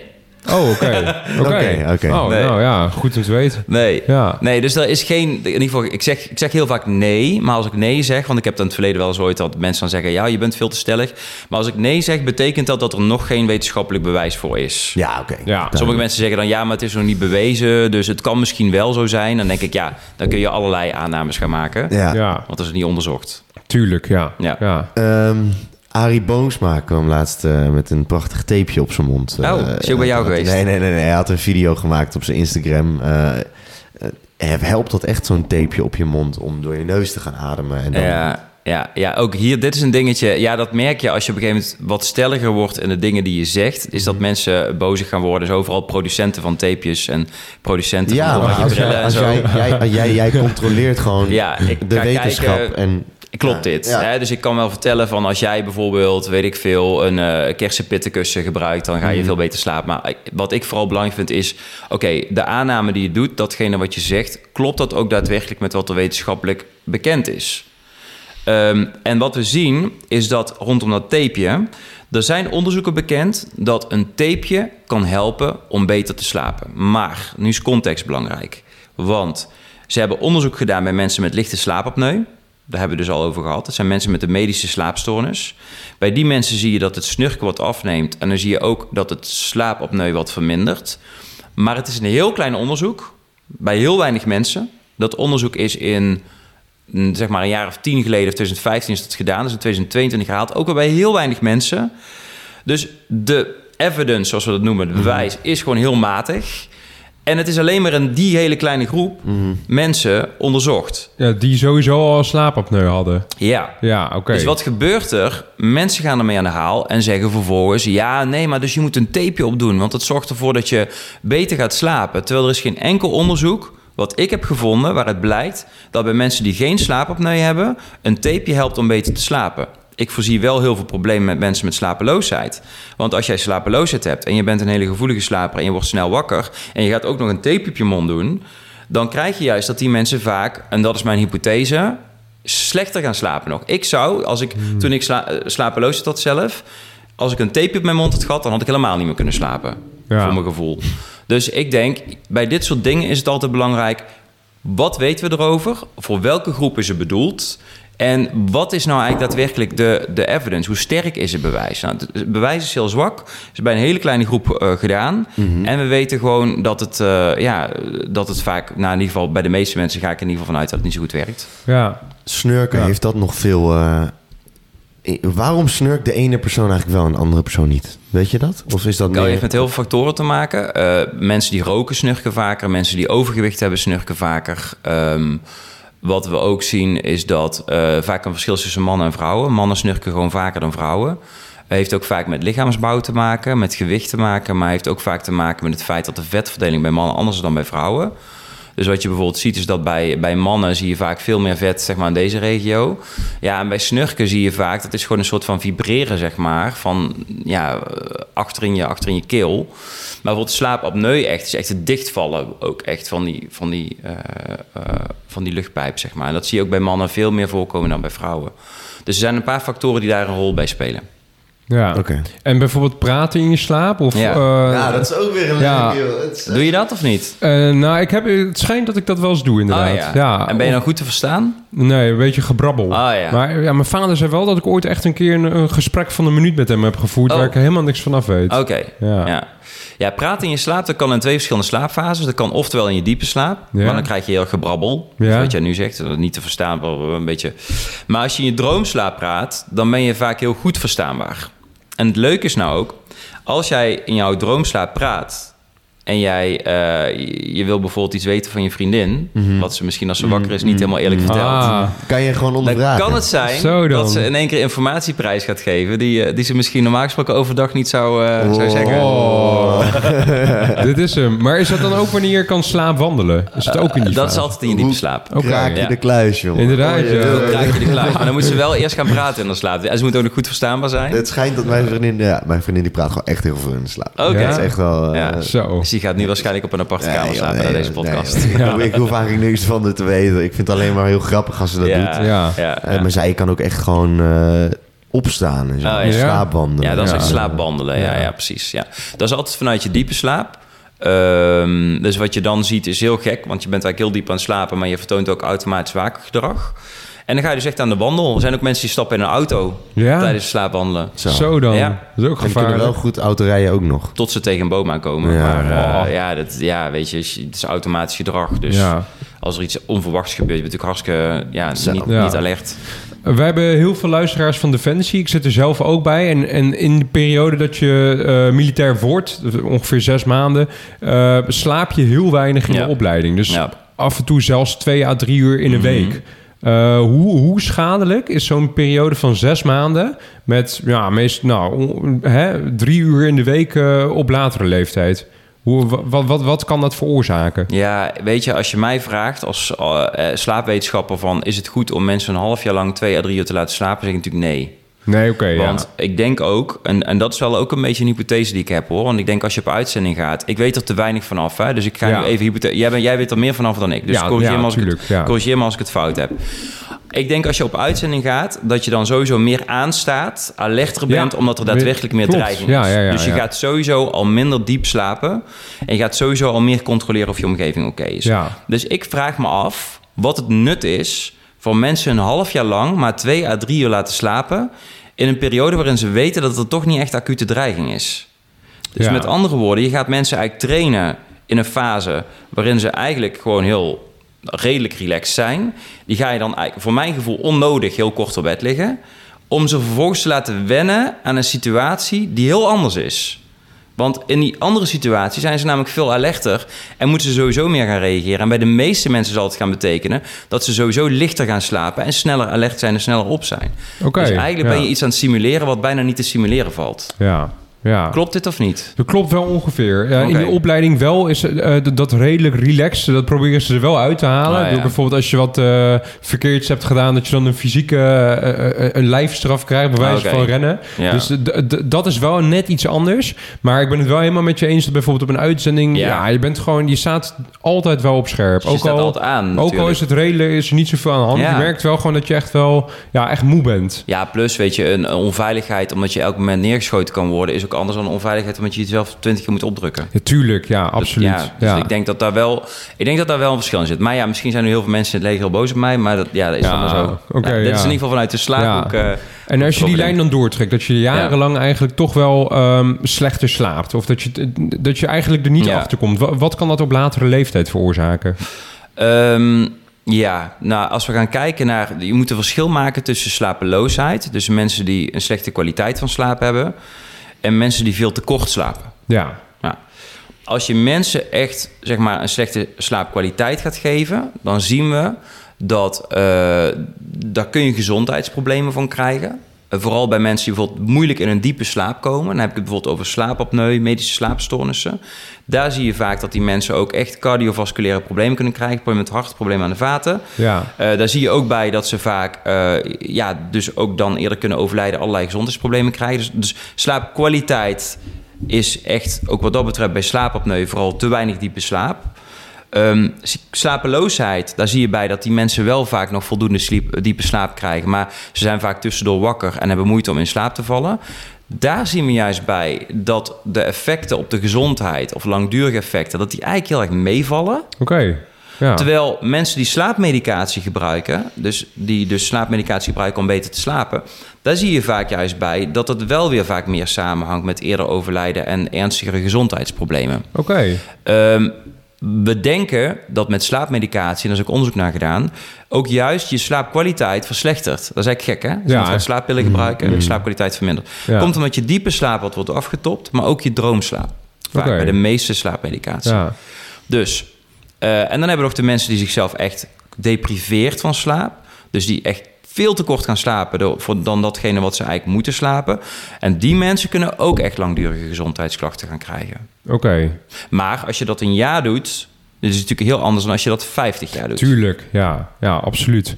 Ehm, verder, jij hebt jarenlang heb je eigenlijk ben je hiermee bezig. Je bent zelfs gepromoveerd. Wat zijn nou echt dingen waarvan je daar ben, ja, daar ben je achter gekomen? Daar schrok je zelf ook wel Ja, van. je moet vast wel... Het, het- in de tijd dat wij die zijn, ja. podcast al aan het doen zijn... er zijn wel zoveel dingen... er zijn wel zoveel Ja. dingen ontdekt van... Oh, Ja, Ja. precies. jemig, dat, gewoon dat gewoon iets moet wat nog iedereen niet benoemd weten, is. weet je wel? Ja, Iets wat nog niet benoemd is. Ehm, ja, ik denk de allerbelangrijkste boodschap die ik heb meegekregen is dat we onszelf in Nederland, maar ook in heel veel westerse landen, aan de ene kant helemaal gek aan het maken zijn, omdat we slaap ook zien als een soort van prestatieding. Van dat we moeten acht uur slapen. Ja. Dus dat, dat is denk ik op zichzelf al iets waar ik dus door alles wat ik nu verteld heb al, hè, dat ontkracht ik natuurlijk al een stuk. Je moet acht uur slapen. Ehm, maar dat wel, dat in heel veel hoofden van mensen zit. En ook heel veel dingen als je moet de uren voor 12 tellen dubbel. Als ik, niet, als ik moe ben, dan moet ik naar bed. Als je niet slaapt, dan rust je toch. Allemaal die dingen die wij meekrijgen van jongs af aan... die niet of maar deels kloppen... die wel shapen hoe wij naar een derde van ons leven kijken. ja. Dus heel veel dingen die wij denken te weten... over die een derde van ons leven... die klopt gewoon niet. Nee. En dat vond ik heel opmerkelijk toen ik zelf met slaap aan de slag ging. Dat ik dacht, wow, wacht. Ik heb dus heel veel dingen geleerd zelf ook als mens. Ik moet afleren nu en anders denken. Ehm, dus dat, dat is eigenlijk het belangrijkste. Dat choqueerde mij. Ik denk, een hele maatschappij is gewoon een stukje gebouwd... en heeft overtuigingen over zoiets belangrijks die niet kloppend zijn. Ja. Ja. want ik zou dan ook denken dat heel veel mensen die denken van... ah, oké, ik, heb, ik heb wakker gelegen, ik, eh, ik heb niet acht uur geslapen, Ja. maar zeven. Eh, dus dan ben ik vandaag moe. Terwijl Ja, dan dat, ga je dat moe ja, dat- ja, precies. Ja, terwijl dat werkt wel Er wordt zo'n self-fulfilling prophecy. Terwijl dat niet ja. eens per se hoeft. Ja, Ja. Ja, dat vind ik een, eh, Ja. een wijze les. Ja. ja. Melatonine, dat Ja. kan je gewoon kopen in de winkel. ja helaas wel. Ehm, ik ken ook mensen die dat gewoon eh, meermaals gebruiken. Ook al een langere periode. Ja. Ik heb zelf ook geloof ik ooit twee weken lang melatonine gebruikt. Ja. Dat is echt al twee jaar geleden. Mhm. Ehm, even jouw mening eh, betreft... eh, Melatonine. Ja, melatonine vind ik, en dat is ook een beetje de, de, de landelijke richtlijn. eh, Hè, vorige week of zo is er een nieuwe soort richtlijn of een soort aanbeveling gekomen. oké. Voor hoe gaan we om met melatonine in Nederland. En daar heeft dus een slaapvereniging, eh Slaapvereniging Nederland heeft eraan meegewerkt. En een aantal oud-collega's van mij van Kempenhagen. Eh, en wat je ziet is, en ik ben het daar heel erg mee eens... melatonine is een geneesmiddel. Dus het moet ook als zodanig gebruikt worden. Het feit dat melatonine nu in de winkel ligt... Wil, geeft eigenlijk het idee van, joh, het is onschuldig. Ja. Je hebt ze volgens mij tegenwoordig ook nog in beertjesvormen... een soort gummibeertjes die je kan nemen. En Geen idee. Het wordt steeds gekker en het wordt steeds... eh, Gewoon maar- laagdrempeliger. Ja, ik werd er wel fucked op van. Gewoon heel mijn slaap. eh, ja. Oh, Ja, ook gewoon, eh, als je het dan niet neemt, denk je, ah, shit. Mhm. Ik weet niet of ik kan slapen, man. Ja, Oh, dat joh. ga je krijgen. Ja. Ja. Maar melatonine is dus iets wat werkt op dat eerste systeem wat ik zei, de biologische klok. Bij de meeste mensen die melatonine gebruiken, omdat ze beter willen slapen, werkt het dus ook niet. Want het tweede systeem, opbouw van adenosine, is veel belangrijker. Daar doet melatonine helemaal niks op. Dus melatonine is niet dat je in één keer heel veel meer adenosine gaat krijgen... en dat je dan heel veel gemakkelijker in slaap gaat vallen. Adenosine was de slaapdruk. De slaapdruk, eh, ja. inderdaad. Ja, dus het zijn twee systemen. Ze hebben wel een beetje invloed op elkaar trouwens, als ik heel technisch praat. Maar het is niet heel groot. Oké. Ehm, en als je nou melatonine gaat nemen, dan is dus de enige indicatie waarvoor je het zou kunnen nemen, is omdat je een verschoven ritme hebt. Dus dat betekent, jij valt bijvoorbeeld om 1 uur in slaap, je staat om 8 uur op, je krijgt dadelijk een baan waarbij je er om 6 uur s ochtends uit moet. Dan, en je wil wel om 11 uur in slaap vallen, dan kan melatonine in overleg met je arts helpen om je ritme wat te stabiliseren en naar voren toe te brengen. Maar dan moet je het wel 2,5 tot 3 uur voordat je naar bed gaat nemen. En heel veel mensen nemen het een half uur voordat ze naar bed gaan. Is veel te laat. Krijg- Kun je bijvoorbeeld alleen nog maar meer inslaapproblemen gaan krijgen. Dus melatonine bij verschoven ritmes en bij jetlag. Dus als jij Oh ja, bijvoorbeeld naar ja. het oosten gaat en jij eh, wil in slaap vallen s'avonds, dan kan melatonine ondersteunend zijn om in jouw nieuwe ritme eerder in slaap te vallen. En in combinatie met licht. Want licht zorgt er dan weer voor dat je eh, gemakkelijk aan de, aan, aan de gang gaat, zeg maar, aan de slag gaat. Zou je dan niet gewoon, ja, als, je, als we het hebben over licht... eh, Ja, melatonine sowieso, dus wat je eigenlijk zegt is... hey, pas ermee op. Mm. Eh, het is veel te makkelijk dat het zo in de winkel Ja, ligt. en het kan heel veel fout doen. ik ben het daar gewoon helemaal niet mee eens. Dat zeg je Mm. eigenlijk. Ja. Dus oké, dan naar het slapen en het licht. Kan je dan niet gewoon altijd zo'n ooglapje dragen? Dat zou toch eigenlijk altijd alles fixen? Ehm, ja, alleen het gaat ook om licht in de ochtend. Dus eigenlijk het licht in de ochtend zorgt ervoor dat jouw biologische klok een soort van reset krijgt. En als jij dus bijvoorbeeld 's ochtends voldoende licht op je netvlies krijgt, dan krijgt jouw lichaam echt het idee van: hé, hey, wacht al eventjes. Ik ehm, moet wakker worden. En dan gaat het dus niet om een wake-up light. Hè? Dat zijn die, die lampjes die langzaamaan Ja. wakker met die vogelgeluidjes en zo. Want die geven maar iets van 700 lux af. Maar echt een bright light moet je dan gebruiken van 10.000 lux. Dat nu, bijvoorbeeld, is, nu het zomer is, eh, is het zo dat we al heel vroeg licht krijgen. Ehm, en nu heb je ook voldoende licht. Dus nu zou je ook gebruik kunnen maken van buitenlicht. Maar als het donker is, het is je bent, je zit in de winter, dan kan bijvoorbeeld ook een 10.000 lux bright light helpen om gemakkelijk wakker te worden. Oké, Ehm, nou, meteen bestellen. Er zijn dus heel veel mensen die eh, luisteraarsvragen hebben ingestuurd. Eh, zullen we er even een aantal doen? Helemaal Heb jij je goed. telefoon toevallig op Ja, zak? Dan ook doen we allebei even Ja wat. Even kijken. Ik- we doen er niet zoveel hoor, want anders zitten we echt nog... eh, Want ik heb er zelf ook nog eentje. Zou ik die nog even snel tussendoor Ja, gooien? Ja, natuurlijk, Nou, natuurlijk. je hebt nam- namelijk al verteld dat je geen voedingsexpert bent of Nee. wat dan ook. Maar magnesium, Hey, Mhm. weet je daar toevallig wat van? Wat dat voor effect eh, kan hebben? Ehm, wat ik wel gedaan heb, is ik heb wel gekeken welke stofjes en welke ehm, eh, zeg maar vitamines en zo, wat helpt nou om beter te kunnen slapen. En eh, magnesium is eigenlijk zo'n voorbeeld van iets wat ook helemaal uit buiten proportie is gebracht. Doordat men zegt van je moet magnesium slikken, want daardoor zou je beter slapen. Maar wat we zien uit onderzoek blijkt dat dat best wel meevalt. En dat de effecten op slaap niet zo heel groot zijn. En dat ook niet de onderzoeken heel erg eenduidig zijn over magnesium. Dus ehm, ja, als het voor je werkt, doen. Eh, maar het is niet wetenschappelijk bewezen. Nee. Ook Shit. weer maar Dat was maatwerk, allemaal dus, een ja. leugen. Ja, inderdaad. Ja, Jay Way heeft tegen ons gelogen. oh, die zei dat magnesium wel helpt. Ja, ja, ja. Oh, om te slapen? Ja. Ja. Ah, oké. Eh, dit zal Sorry, vast- Jay. Het, ja, ja. Oh, ik heb hier een vraag van, van het account Wijn is Fijn. Het is geen audiovraag, maar ik lees hem gewoon even Ja. voor. Wat kan je doen om minder te plassen in de nacht? Ik drink Hmm. al geen water meer, twee à drie uur voor het slapen gaan... maar moet nog vaker uit midden in de nacht. Eh, en we weten niet hoe oud die persoon is. Eh, nee, weet ik niet. Ik, nee, dat kan ik ook niet zien, denk ik. Ja. Oh, het zijn vier Utrechtse studenten. Oh, het zijn hier. studenten die ja, veel ja, moeten... die bloggen over wijn. Oké, ja, Ja, ja. ja. En, en, maar, Ja, Ik zou dan zeggen zo'n jaartje of Dan 23. verwacht je niet hè? dat ze een jaar of 70 zijn. Nee, nee, nee, wel een hele oude student. Ja. Ja, Ehm, nou ja, wat ze goed doen is sowieso de vochtinname beperken. Twee uur voordat ze naar bed gaan. ja. Ja, vaak eruit moeten om te plassen. Ehm, dat is heel verschillend inderdaad per persoon. Eh, ja, je moet toch vocht drinken in de avond. Ja. Dus dat is denk ik een hele belangrijke. Wat ik soms nog wel eens ooit zie in de praktijk... dat is dat mensen zeggen, ik moet eruit om te plassen. Maar ze waren eigenlijk al wakker. Oh, Dus, wat heel veel ah. mensen doen is, dan liggen ze wakker... en dan worden ze op een gegeven moment een beetje onrustig... en dan denken ze, oh, volgens mij is mijn blaas aan het werken. Ja. Volgens mij moet ik naar het toilet. Ja. En dan gaan ze erover nadenken... en dan denken ze, ja, als ik nu naar het toilet ga... dan slaap ik daar ook niet meer. Ja. Dus je kunt jezelf ook een beetje trainen om gewoon, als je niet echt hoeft, ook gewoon te blijven liggen. Je hoeft niet meteen uit bed, zeg maar. Oké. Ja. Dus, dus ik zie het ook wel eens andersom. Dat mensen echt eerst wakker worden en dan denken... oh, ik moet naar het toilet. Ja, dan die leer je jezelf dat ook ze meteen... wakker... Ja, precies. Ja. Ja. Want, want ehm, je, je wordt niet echt snel wakker van het feit dat je moet plassen. Ja, weet je, als je echt moet plassen, dan word je natuurlijk wel wakker. Maar ik vind iemand die heel jong is en vier keer per nacht wakker wordt om te plassen... vind ik best veel. Dus dan ligt het eigenlijk meer aan een andere. eh, Ja, dat zou kunnen dat dan dit, dit, deze factor mogelijk een rol Ja, speelt. eh, duidelijk. Eh, Even kijken hoor. ik heb hier zo eentje van eh, Jacco. Oké, ja. Ik heb mega vaak dat ik na 7,5 uur slaap al klaar wakker ben en ik eigenlijk niet meer in slaap kom. Hoe, doe, hoe, doe, hoe komt dat en hoe kan ik dat verbeteren? Want het doel is 9 uur slapen. Nou, daar hebben we hem al, hè? Ja, Het doel is 9 uur slapen. Ja, dan zou mijn vraag aan Jacco zijn... waarom is je doel 9 te slapen? Ik snap wel waarom dat zo, zo is. Is omdat eigenlijk horen wij alleen maar, eh, ook als ik in gesprek Ja. ga met mensen die veel weten over het menselijk lichaam, hoe meer slaap, hoe beter. Ja. En als je je spierherstel wil verbeteren, dan is 9 uur slaap eigenlijk ideaal. Het is zelfs zo, als je meer dan 8 uur slaapt... mensen die meer dan 8 uur slapen... hebben minder goede eh, sportprestaties. Dus het is niet alleen de korte slaap, het is ook de lange slaap.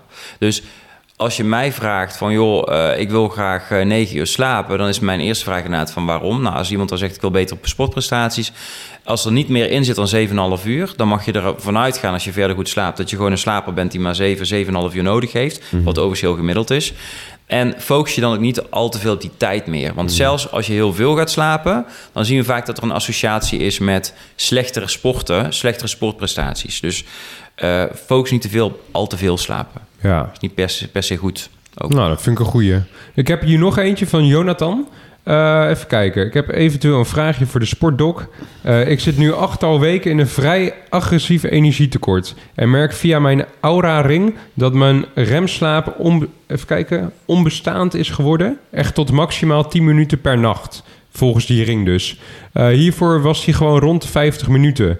Ehm, diepe slaap is eh, wel nog oké. ongeveer 1 uur. Mhm. Is hier een verklaring voor en een oplossing? En hij was nu heel erg actief, hè? Wat was hij nu aan het doen? Eh, energietekort, dus dat hij heel erg aan het afvallen is. Oh, hij is heel erg aan het afvallen. Ja. ja, ja. ja. Nou ja, eerst iets over die Aura-ring. Ja, Ik ben daar geen fan van. oké. En de reden waarom ik daar geen fan van ben... eh, en ook geen fan ben van de meeste eh, smartwatches en dingen die eh, slaap meten... is om slaap goed te kunnen meten heb je een EEG nodig. Dus je hebt eigenlijk een, soort van afdruk van je brein nodig. Oké, Ehm, ja. Wat doen die apps en die dingen? Die zorgen er vaak voor. Die, die kunnen wel, als jij een goede slaper bent, een beetje meten hoe lang je geslapen hebt. En wanneer je in slaap gevallen bent en ehm, wanneer je wakker geworden bent. Maar wat ze niet goed kunnen, dat kunnen ze nog steeds niet goed, is de slaapfases meten. Dus remslaap is normaal gesproken een fase waarin wij ehm, onze spieren niet kunnen bewegen. Dus dan liggen we heel erg stil. Eh, dus waarschijnlijk dat ding geeft aan dat je in je remslaap zit als je heel erg stil bent. Maar er kunnen verschillende factoren zijn waarom je heel erg stil ligt. Bijvoorbeeld mensen die heel slecht slapen, die gaan ook heel erg stil liggen omdat ze wil- goed willen slapen.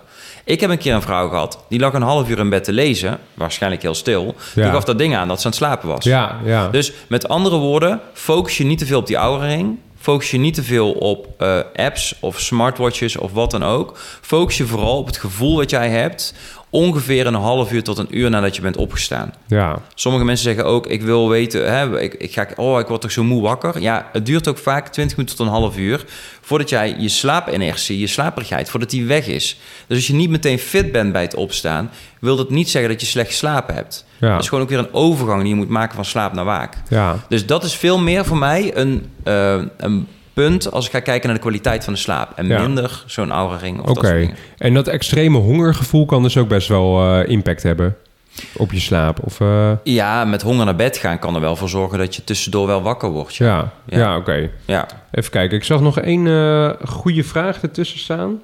Oh over dromen hebben we al behandeld. En hier, Mhm. ik zag hier nog één. Van Frank. Eh, wat is het beste om te doen wanneer je niet genoeg uren hebt geslapen en, en je niet meer kan slapen? Dus ik denk dat hij daar dan een beetje mee bedoelt. Mm. Is het eh, dan legit om overdag een uurtje bij te slapen? Of Oh, wat, wat, wat, wat Ja. zou je er... Ja, Ja. En dat is iemand die dus moeite heeft met slapen. Eh, dat, dat staat er niet... Ja, ik neem eigenlijk aan van wel. Ja. Dat hij niet genoeg uur slaapt. Oké, als, jij, als jij een goede slaper bent, is het prima om een middagdutje te doen. Ja. Dus als jij gewoon een goede slaper bent s'nachts en je denkt van... ik wil overdag gewoon even wat fitter zijn... ik wil gewoon mijn werk beter kunnen doen... en ik wil een beter oplossingsgericht vermogen... want dat is wat een kort dutje kan doen, 20 tot 30 minuten overdag. Prima. Ben jij een slechte slaper, dan is het belangrijk dat je overdag zo min mogelijk dut... want dat kan met de kosten gaan van je adenosineopbouw en je slaapdruk. Ah, ja. Dus ehm, Ja. als je mij vraagt van joh, hij slaapt slecht, dan zou ik eerder kijken naar die drie factoren. Dus omstandigheden, Ja, slaapdruk, ontspanning. precies. En dan eigenlijk minder focus op overdag een dutje doen... want dat kan dan eigenlijk alleen maar weer een, een sneeuwbaleffect. eh, Oké, ja. Soort great reset wat je moet toepassen Ja. als, je, als je slecht slaapt. Ja, ik, merk, ik merk dat ik helemaal... eh, Ja, dit is helemaal jouw ding, hè? Veel, nou, ik heb veel stof tot uh, zometeen. We moeten nog een uur terugrijden. Ik Ah, denk ja. dat wij Ja. wel een, eh, Ja, flink ja. gesprek hierover Ja, gaan ja, ja, hebben. precies. Gewoon, eh, Ja. we waren eigenlijk helemaal aan het begin van dit gesprek. Vroeg ik jou van, oké, hey, de luisteraar nu of ik of weet ik van wat. eh, wat is nou een goede manier om je, je juiste slaaproutine te vinden Ja. en ook ervoor te zorgen dat je goed slaapt? Toen zijn we bij het eerste punt gekomen. En dat was, eh, ik ga erachter komen wanneer je eh, behoefte is om te slapen Ja. door, door die vakanties. Ja. Daarna zijn we eigenlijk een beetje afgedwaald. Ja. Daar hebben we het volgens mij niet meer over gehad. Nu ben ik heel benieuwd, wat is dan het tweede gedeelte? Oké, Want ja, het waren ja. drie stappen, toch? Of, drie eh, stappen inderdaad, ja. Ja, dus het eerste gedeelte, dat was de omstandigheden. Daar hebben we het over gehad. Hè? Dat, hebben we het over middelen gehad. We hebben het over eh, dat soort dingen allemaal gehad. Het tweede gedeelte hebben we het ook over gehad. Dat is het slaapdruk opbouwen stuk. Oké. Korter op bed gaan liggen. Ja, Is adenosine opbouw. En het derde stuk is ontspanning. Ah, oké. We hebben het gewoon Dus dat zijn er Ja. drie dingen die, ja, drie dingen die Ja. belangrijk zijn. Ja, Ja, sorry, ik ja. heb echt een beetje slecht geslapen vannacht.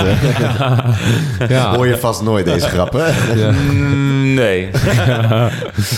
Ja, ik, eh, ik, ik ben helemaal leeg. Ik, ik, ja, ik denk dat ik gewoon zo'n druk heb van eh, allemaal vragen die ik nu... eh, ik, ja, ik weet niet of jij nog brandende vragen hebt, eh, Gideon.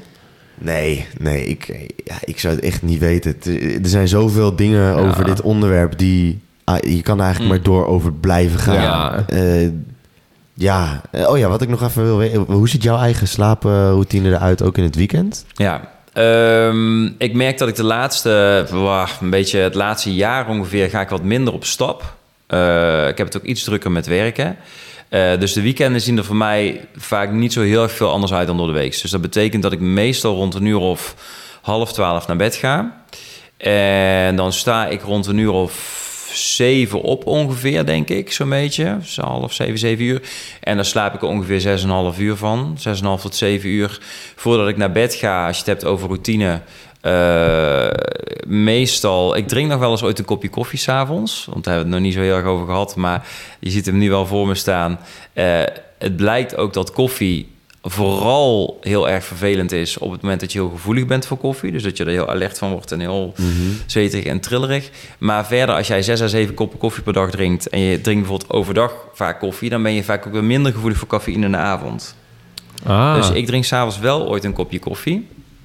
Eh, wow, nee. ja, Hij zit me echt aan te Ja, kijken. ja, Ja, ja, Ja. de revolution. Ja. hij is resistent. Ja, nee, resistent, ja. Maar dit is toch wel eh, eh, inderdaad tegenstrijdig van wat we eigenlijk vaak... Wat je vaak hoort. Ja, ja. Ja. Ja, precies. daar is echt gewoon... Want het advies is wel als je slecht slaapt... is om er sowieso wel rekening mee te houden. Dus wel echt een paar uur voordat je naar bed gaat... in ieder geval niet doen. Maar jij hebt controlled je hele nou gewoon... Ja, ik, nee, slaap niet goed. Dus ik heb zoiets van... Nou, prima, ik vind het gewoon lekker, weet je wel. Ja, tuurlijk. Ehm, en ja, verder, eh, wat ik meestal doe, is gewoon nog even een filmpje kijken. Dus ik zit gewoon tv te kijken en dan, eh ja, s'avonds, eh ik ga meestal 's ochtends onder de douche of eh, in bad. S'avonds niet. Eh, ook dat heeft wel een beetje een reden. Als je s'avonds bijvoorbeeld echt in een warm bad gaat zitten, is ook weer niet goed voor je slaap. Niet. Dus te laat in een warm bad zitten, wordt je huidtemperatuur te warm en dan kun je vaak minder goed slapen. Dus ik eh, doe dat meestal in de ochtend. Eh, standje poetsen en lekker naar bed. Temperatuur. Dat is eigenlijk ook nog een goede. Ja. Temperatuur in de zomer. Is het dan, slaap je dan minder goed? Ja, want als het heel warm is, dan ga je vaak onrustiger slapen. Word je vaker wakker. Mensen klagen er ook vaak over dat ze meer gaan dromen. Mhm. Eh, je slaapt gewoon instabieler. Dus de beste temperatuur is eigenlijk tussen de 16 en 18 graden. eh, in je slaapkamer. Ja, dat kun je natuurlijk moeilijk als je geen airco hebt. Het is buiten 30 graden, 35 graden, is dat heel moeilijk. Dus ik merk het ook aan mijn slaap hoor, dat ik echt eh, minder goed ga slapen. dan. Ja. Ja. Nou, ik heb nu een koudschuim matras. Nee, niet een matras, een koudschuim kussen. Ja, het is geweldig. Ik merk meteen verschil. Ja, Nou, cool. dat is echt top. Ja. Ja. Dan eh, tips voor mensen die wel een weekend hebben... eh, waar je dus uitschieters hebt... Ja. dat je in één keer veel later naar bed gaat. Is dat echt uit en boze? Of eh, kan je er ook eh, wel weer makkelijk dan weer in die maandag tot donderdag Ja. ritme komen? Want ik Ja. merk dat ik daar het meeste moeite mee heb. Ja.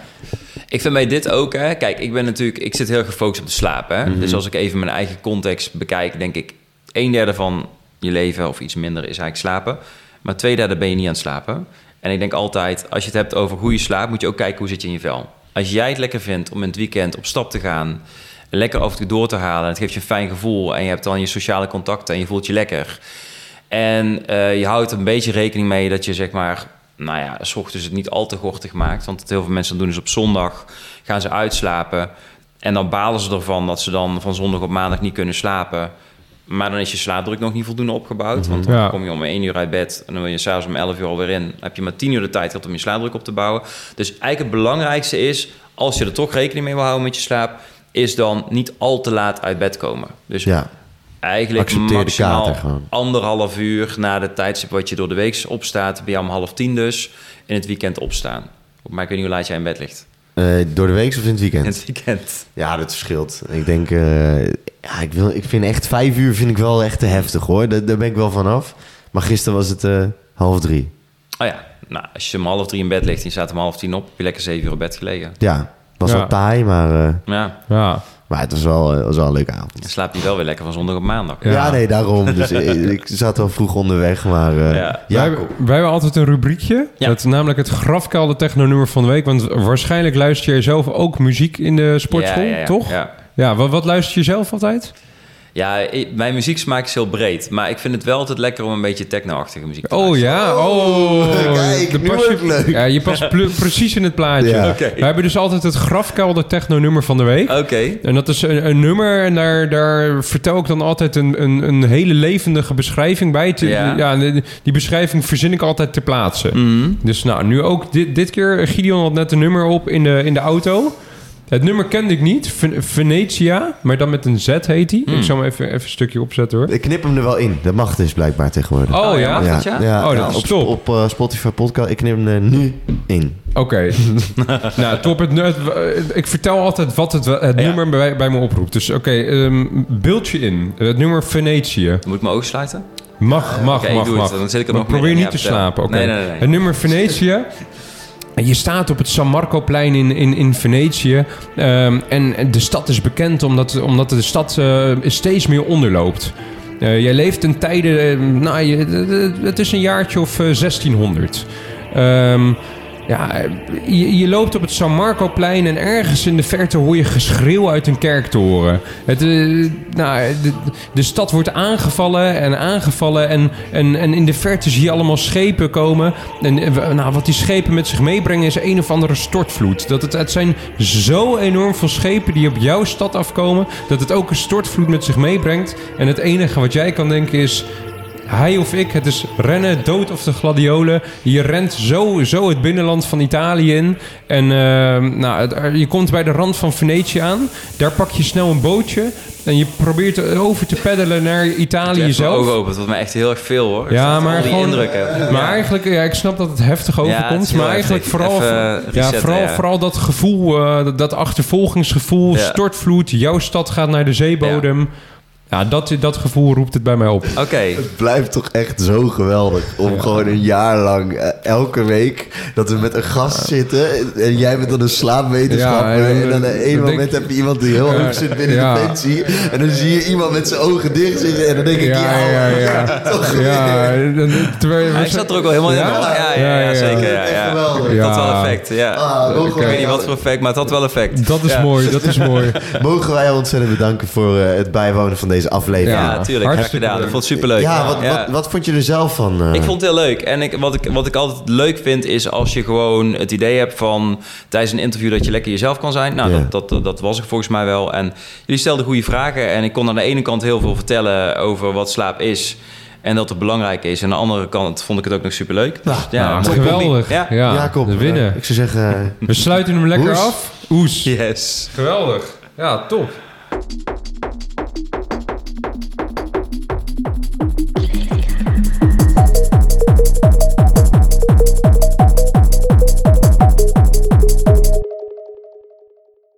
Dit was weer een aflevering van Kleedkamer Praat, de podcast. Ik hoop dat jij net zoveel hebt geleerd als ik. Ehm, ik ben er gewoon achter gekomen dat slaap super belangrijk is. Nog belangrijker dan ik dacht. En ik ben erachter gekomen dat Marijn van der Laar een enorme eindbaas is. Een legend, een titaan, een koning. Dus eh, ja, wat rest mij nog te zeggen dan... eh, tot volgende week bij weer een nieuwe aflevering van Kleedkamer Praat. Waarin we gaan bespreken wat de evaluaties zijn eh, binnen het regime van Jacob en Botje.